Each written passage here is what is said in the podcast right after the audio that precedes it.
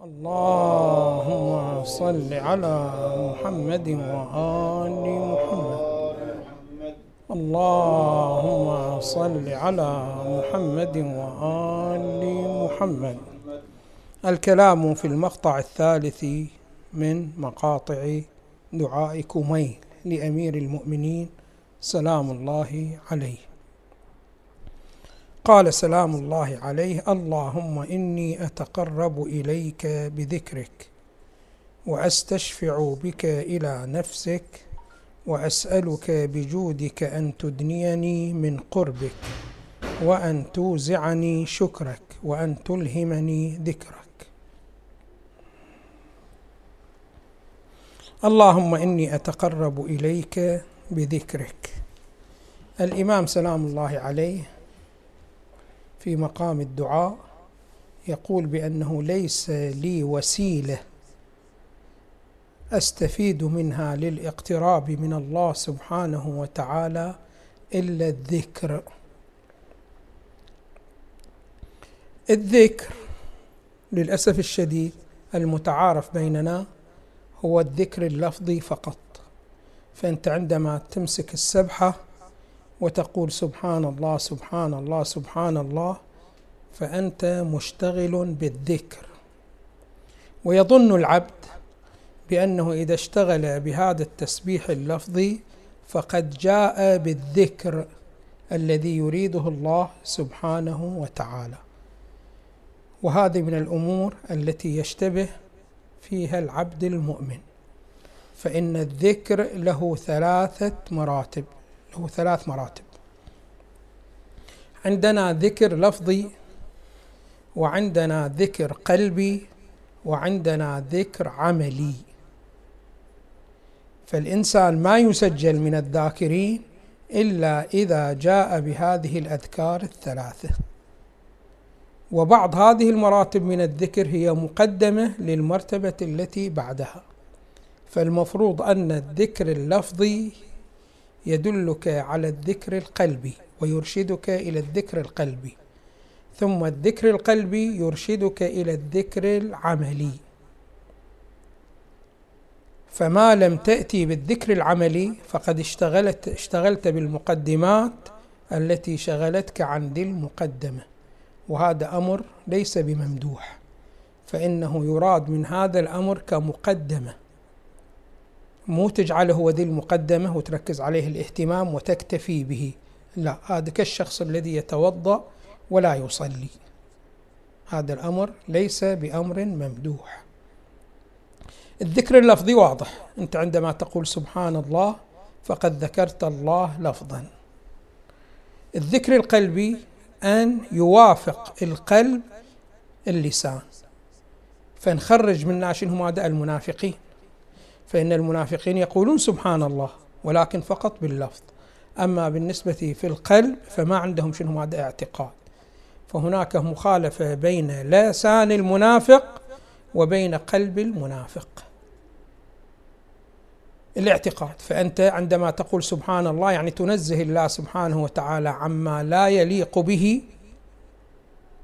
واضح. وكل صفات الإمكان والممكنات لا تليق بالله سبحانه وتعالى. فأنت عندما تقول سبحان الله تدعي أنك تنزه الواجب تعالى عن صفات الممكنات صفات المخلوقات. ثم هذا أنت إذا اعتقدت به تعتقد بأن الله سبحانه وتعالى هو في غاية الكمال من حيث العقل وعندك الحد الأوسط الذي يثبت لك ثبوت هذا المدعى وهذه النتيجة إلى الله سبحانه وتعالى عند ذلك تكون. موافق قلبا لما هو شنو هذا اللسان.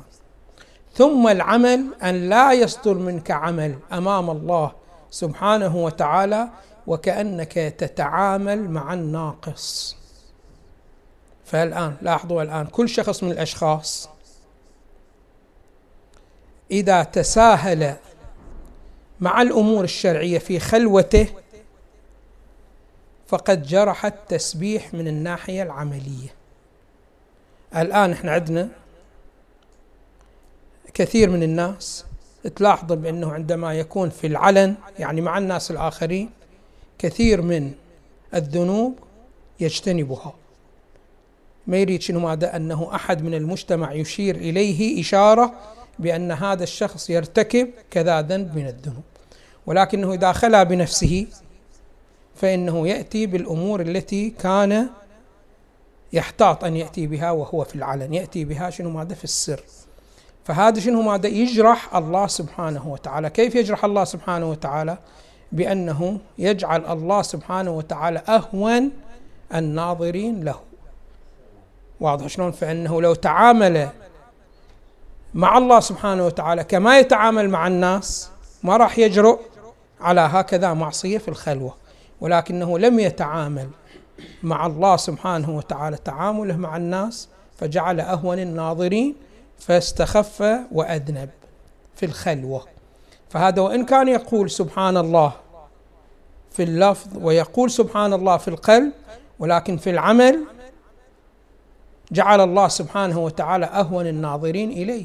فإذا جعل أهون الناظرين يعني مو فقط أعطاه صفات المخلوقين بل أسوأ من صفات المخلوقين. أو أنه يؤمن في أعماقه بأن الله سبحانه وتعالى لا يطلع عليه كما لا يطلع عليه شنو ماذا؟ سائر المخلوقين.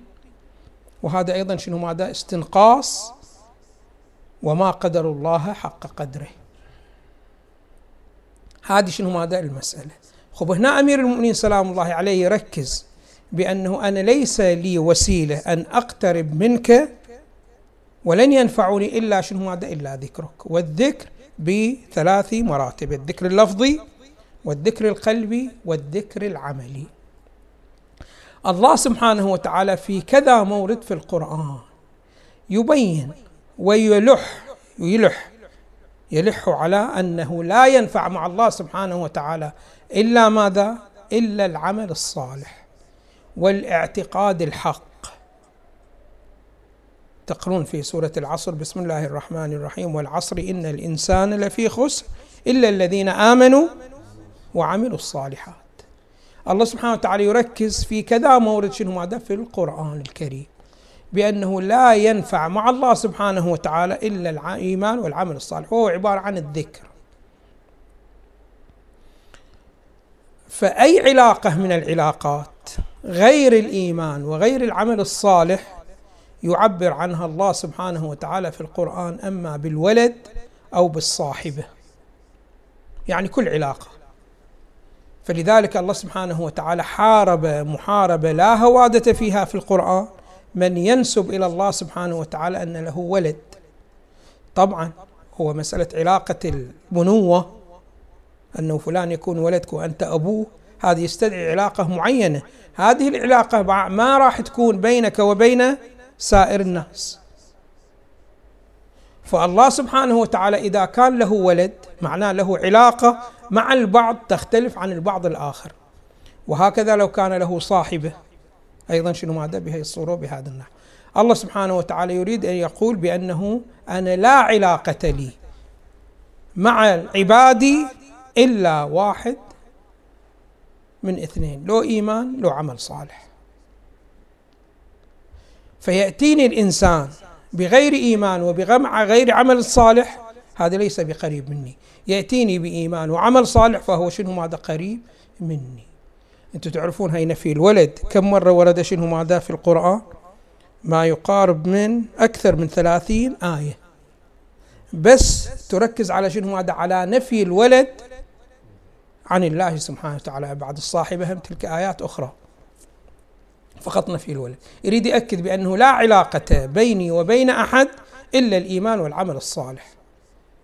فلا تقول لي أنت ولد الله أو هذا شنو ماذا روح الله أو هذا شنو هذا حبيب الله. هاي كلها عناوين الله سبحانه وتعالى ما يشتريها بفلس. فقط الإيمان والعمل الصالح. فالعباد كلهم سواسية والضابط هو شنو ماذا؟ هو الإيمان والعمل الصالح. فمن جاء بالإيمان والعمل الصالح فهو من الناجحين. ومن جاء إن شاء الله بألف ومئة مليون لقب. ما تفيدها كل هذه الألقاب. ولا شنو ماذا ولا قرابات ولا شيء ولا هذا. مرة أحد الأشخاص أحد المؤمنين جاء لي شاف شخص راكع ساجد عند شنو ماذا البيت. ثم قام وتعلق بأستار الكعبة. وكان يبكي بكاء جدا عجيب. فيقول هذا سألت هذا من هذا الشخص فقيل لي هذا زين العابدين سلام الله عليه. يقول فجئت وقلت له سيدي ومولاي يعني ماكو داعي لهي المبالغة الكثيرة. قال شنو مبالغة؟ قال يعني أنت جدك رسول الله. وأبوك علي بن أبي طالب وجدتك خديجة وأمك شنو ماذا؟ فاطمة سلام الله عليها وإلى آخر الشكل فيعني ماكو داعي لها كذا قال اسمع إن الله سبحانه وتعالى خلق الجنة لمن جاء بعبادة الله سبحانه وتعالى كما يريدها الله سبحانه وتعالى. وخلق النار واضح شلون؟ لمن عصى. الآن سواء كان المطيع عبد من الحبشة أو كان شنو ماذا؟ العاصي هو شنو ماذا؟ ابن رسول الله صلى الله عليه وسلم. سيد قرشي فإن العاصي له النار وهكذا له شنو؟ ماذا الجنة. ما يفرق من هذا الشيء. فلذلك أمير من سلام الله عليه يقول أنا ما عندي وسيلة أتقرب بها إليك إلا ماذا؟ إلا ذكرك. اللهم إني أتقرب إليك يعني أستعين بذكرك في تقربي إليك. وأستشفع بك إلى نفسك. الآن إحنا الذي نفهمه من الشفاعة ما هي الشفاعة؟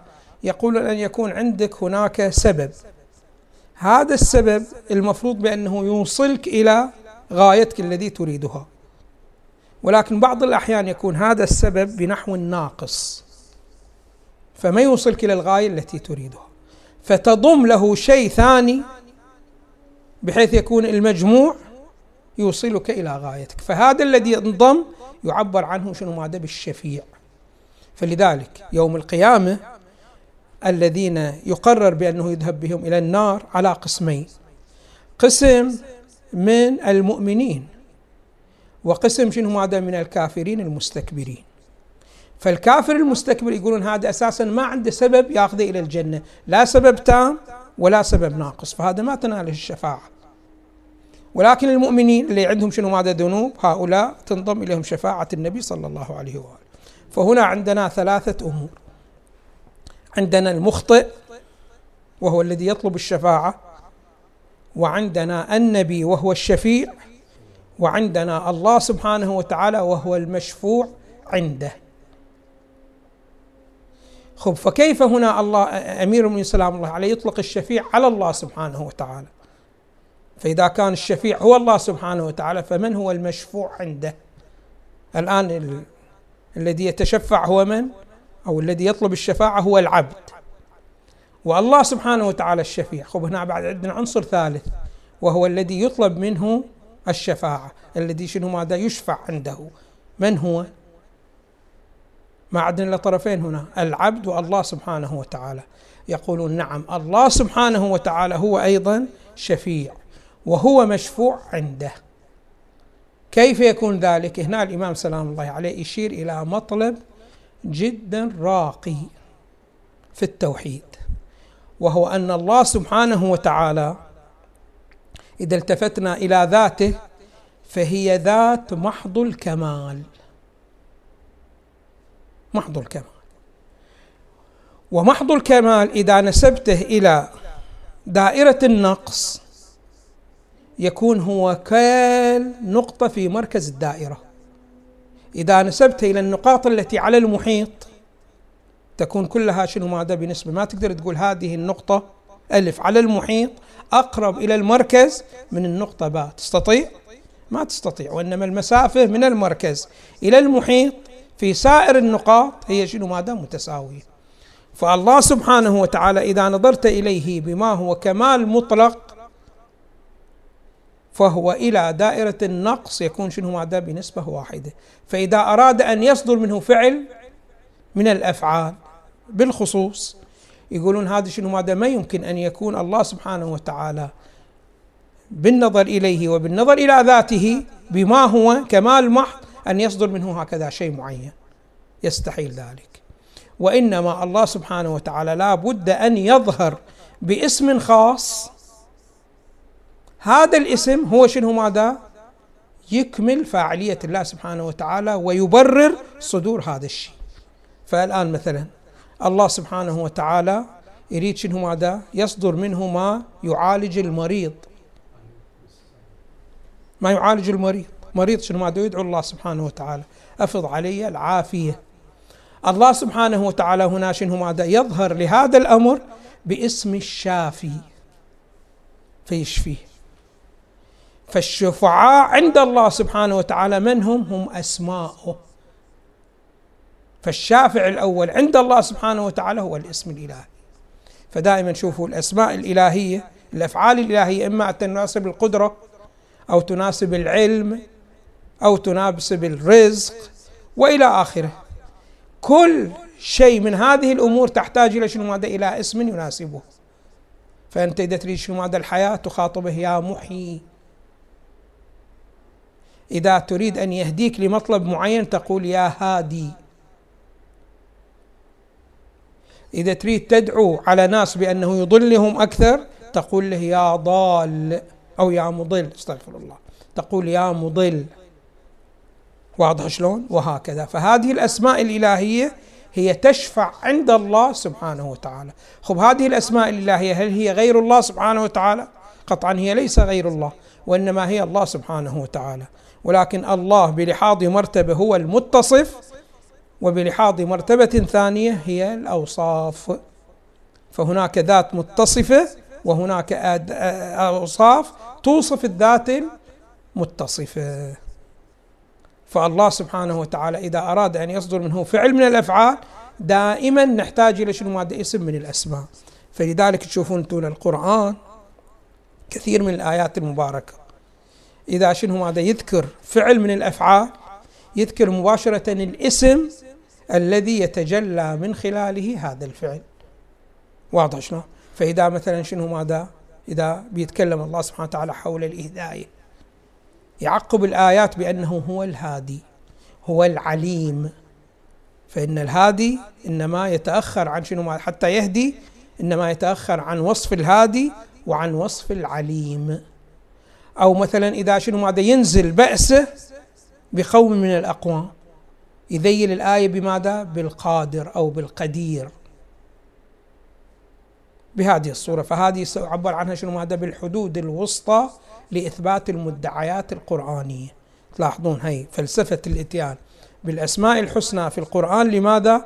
كحدود وسطى بيان الدليل لهذا الفعل وماذا يبرر صدور هذا الفعل من الله سبحانه وتعالى. فلذلك يقول وأستشفع بك إلى نفسك. أستشفع بك شنو يعني بصفتك إليك إلى نفسك أنت. وأسألك بجودك أن تدنيني من قربك. وأسألك بجودك. يقولون لا جواد في دائرة الوجود إلا الله سبحانه وتعالى. إحنا الآن الجواد نوصف بغير الله سبحانه وتعالى. إحنا الآن نعطي صفة الجواد لكل كريم. كل كريم نقول هو جواد وكريم لكن أهل التحقيق يقولون لا الجواد مو الكريم. الكريم هو ضد البخيل. أما الجواد لا الجواد معناه الذي يعطي لا لعوض. لا في الدنيا ولا في الآخرة. هذا هو شنو؟ هذا الجواب. وهذا لا ينطبق إلا على من؟ إلا على الله سبحانه وتعالى. لأنه الذي يعطي إما أن يعطي حتى يستثمر هذه العطية في الدنيا فيحصل شنو؟ ماذا فائدة في الدنيا. مثلا من يعطي حتى يحصل على شنو؟ ماذا على جاه. يحصل له معجبين وإلى آخره. واضح شلون؟ هذا شنو؟ ماذا؟ مو أعطى بلا عوض وإنما يريد شنو ماذا عوض؟ في الدنيا. الآن العوض مختلف. مرة يكون عوض مادي وأخرى يكون عوض شنو ماذا؟ معنوي ولكن دنيوي. مثلا الجاه هو عوض معنوي ولكن شنو ماذا؟ في الدنيا. وهناك عوض المؤمن يطلبه عوض شنو ماذا؟ في الآخرة. من ذا الذي يقرض الله قرضا حسنا فيضاعفه له؟ واضح. شلون؟ في الآخرة. فهذا يعطي لأجل عوض ولكن العوض شنو ماذا؟ في الآخرة. أما الله سبحانه وتعالى فإنه لا يعطي لأي عوض. لا لعوض مادي ولا لعوض معنوي ولا لعوض دنيوي ولا لعوض أخروي. فلا جواد وهو الذي يعطي بلا عوض إلا الله سبحانه وتعالى. فالإمام سلام الله عليه توجه إلى الله سبحانه وتعالى وأسألك بجودك أن تدنيني من قربك. لماذا؟ لأنه أساسا العوض من العبد إذا كان تعامله مع الله سبحانه وتعالى يستحيل. فأنت إذا تقدمت إلى الله سبحانه وتعالى وتقول له شنو ماذا؟ أعطني وأنا راح أعوضك. ليش؟ أنت عندك شيء تملكه؟ أنت صفر على الشمال. وكل ما عندك إنما هو ممن؟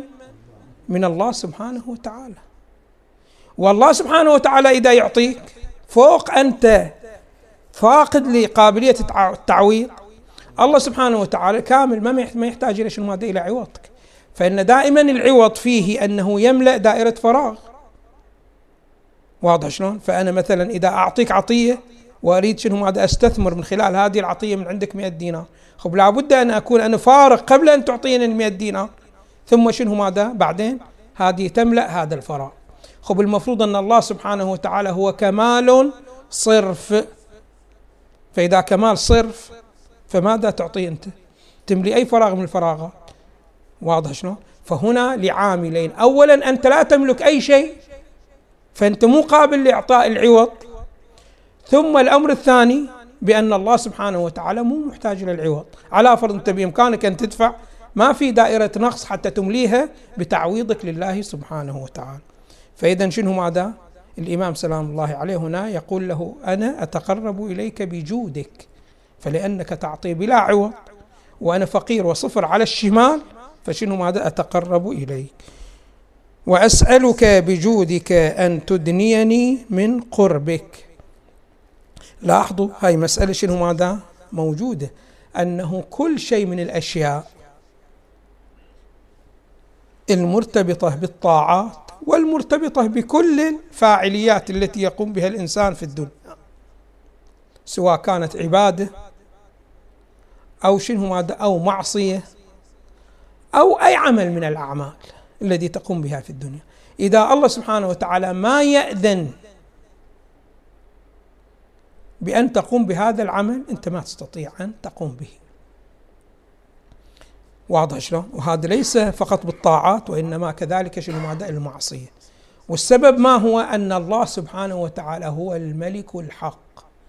والملك الحق هو الذي لا يكون شيء في مملكته إلا بعد إذنه. سواء كان الأمور الظاهرية أو الأمور الباطنية التي في قلبك. كلها سواء كانت معصية أو طاعة، كلها تحت مشيئة الله سبحانه وتعالى وتحت علمه وتحت قدرته وتحت إذنه. لا تستطيع أن تفعل أي شيء خارج عن هذه الدائرة. الآن هذه بالنسبة إلى الطاعات. إذا الله سبحانه وتعالى ما يوفقك إلى هذه الطاعة فإنك لن تستطيع أن تفعل هكذا طاعة. يقولون بأن النبي صلى الله عليه وآله مرة من المرات كلف أمير المؤمنين بمهمة وأرسل معه مجموعة من الأصحاب. عندما رجعوا من هذه المهمة آه، استدعى النبي صلى الله عليه وآله هذول الأصحاب الذين خرجوا مع علي بن أبي طالب. باعتبار علي بن أبي طالب جعله مسؤول عليهم. سرية الشكل. فسألهم ما هي ملاحظاتكم على علي بن أبي طالب في هذه الطلعة وياكم؟ قالوا ما عندنا عليه إلا ملاحظة واحدة. في الصلاة كل شنو ماذا قل هو الله أحد. نصلي الصبح يجيب الفاتحة وقل هو الله أحد. في الركعة الأولى وفي الركعة الثانية. صلي الظهر هم شنو ماذا هم هكذا. صلي العصر هم هكذا المغرب والعشاء هم هكذا. شنو ما حافظ شيء غير قل هو الله أحد إلى آخر إيه. فاستدعى النبي.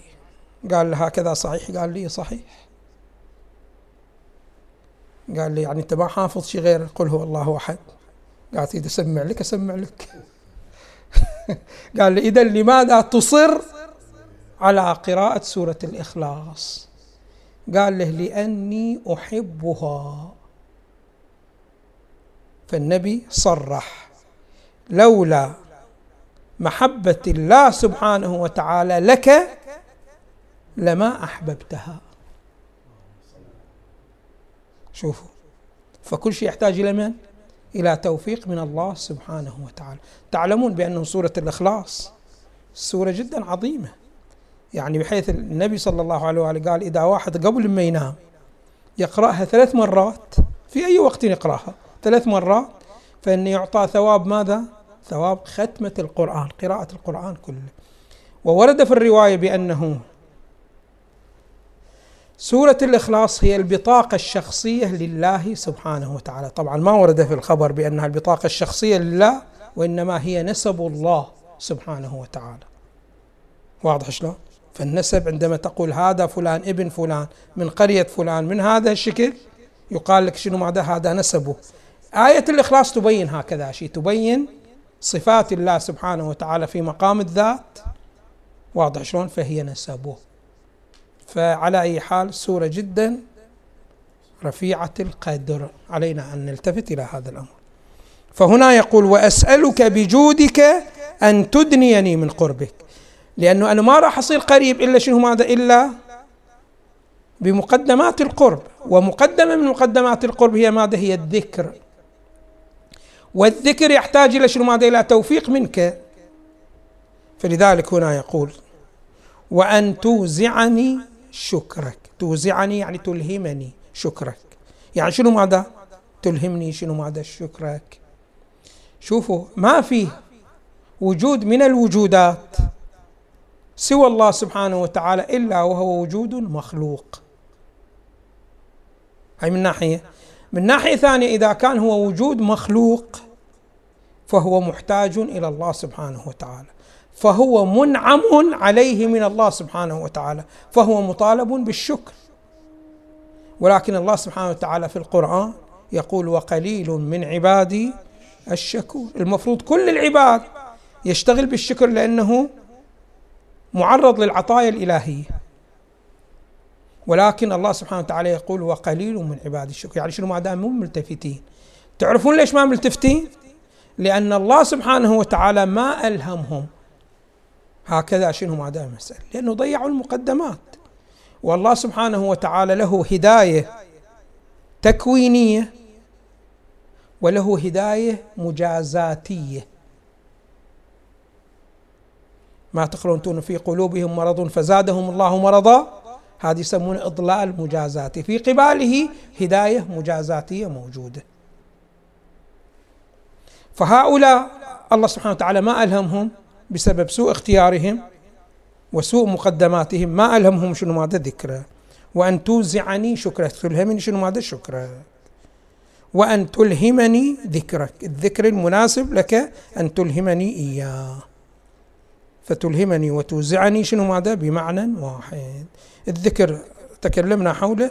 الشكر أيضا في جلسات أخرى تكلمنا بأنه عندنا شكر حقيقي وشكر لفظي أو شكر صوري وشكل شنو هذا حقيقي شكر حقيقي وبيناه بعد ما نطيل عليكم والحمد لله رب العالمين وصلى الله على محمد وآله الطيبين الطاهرين.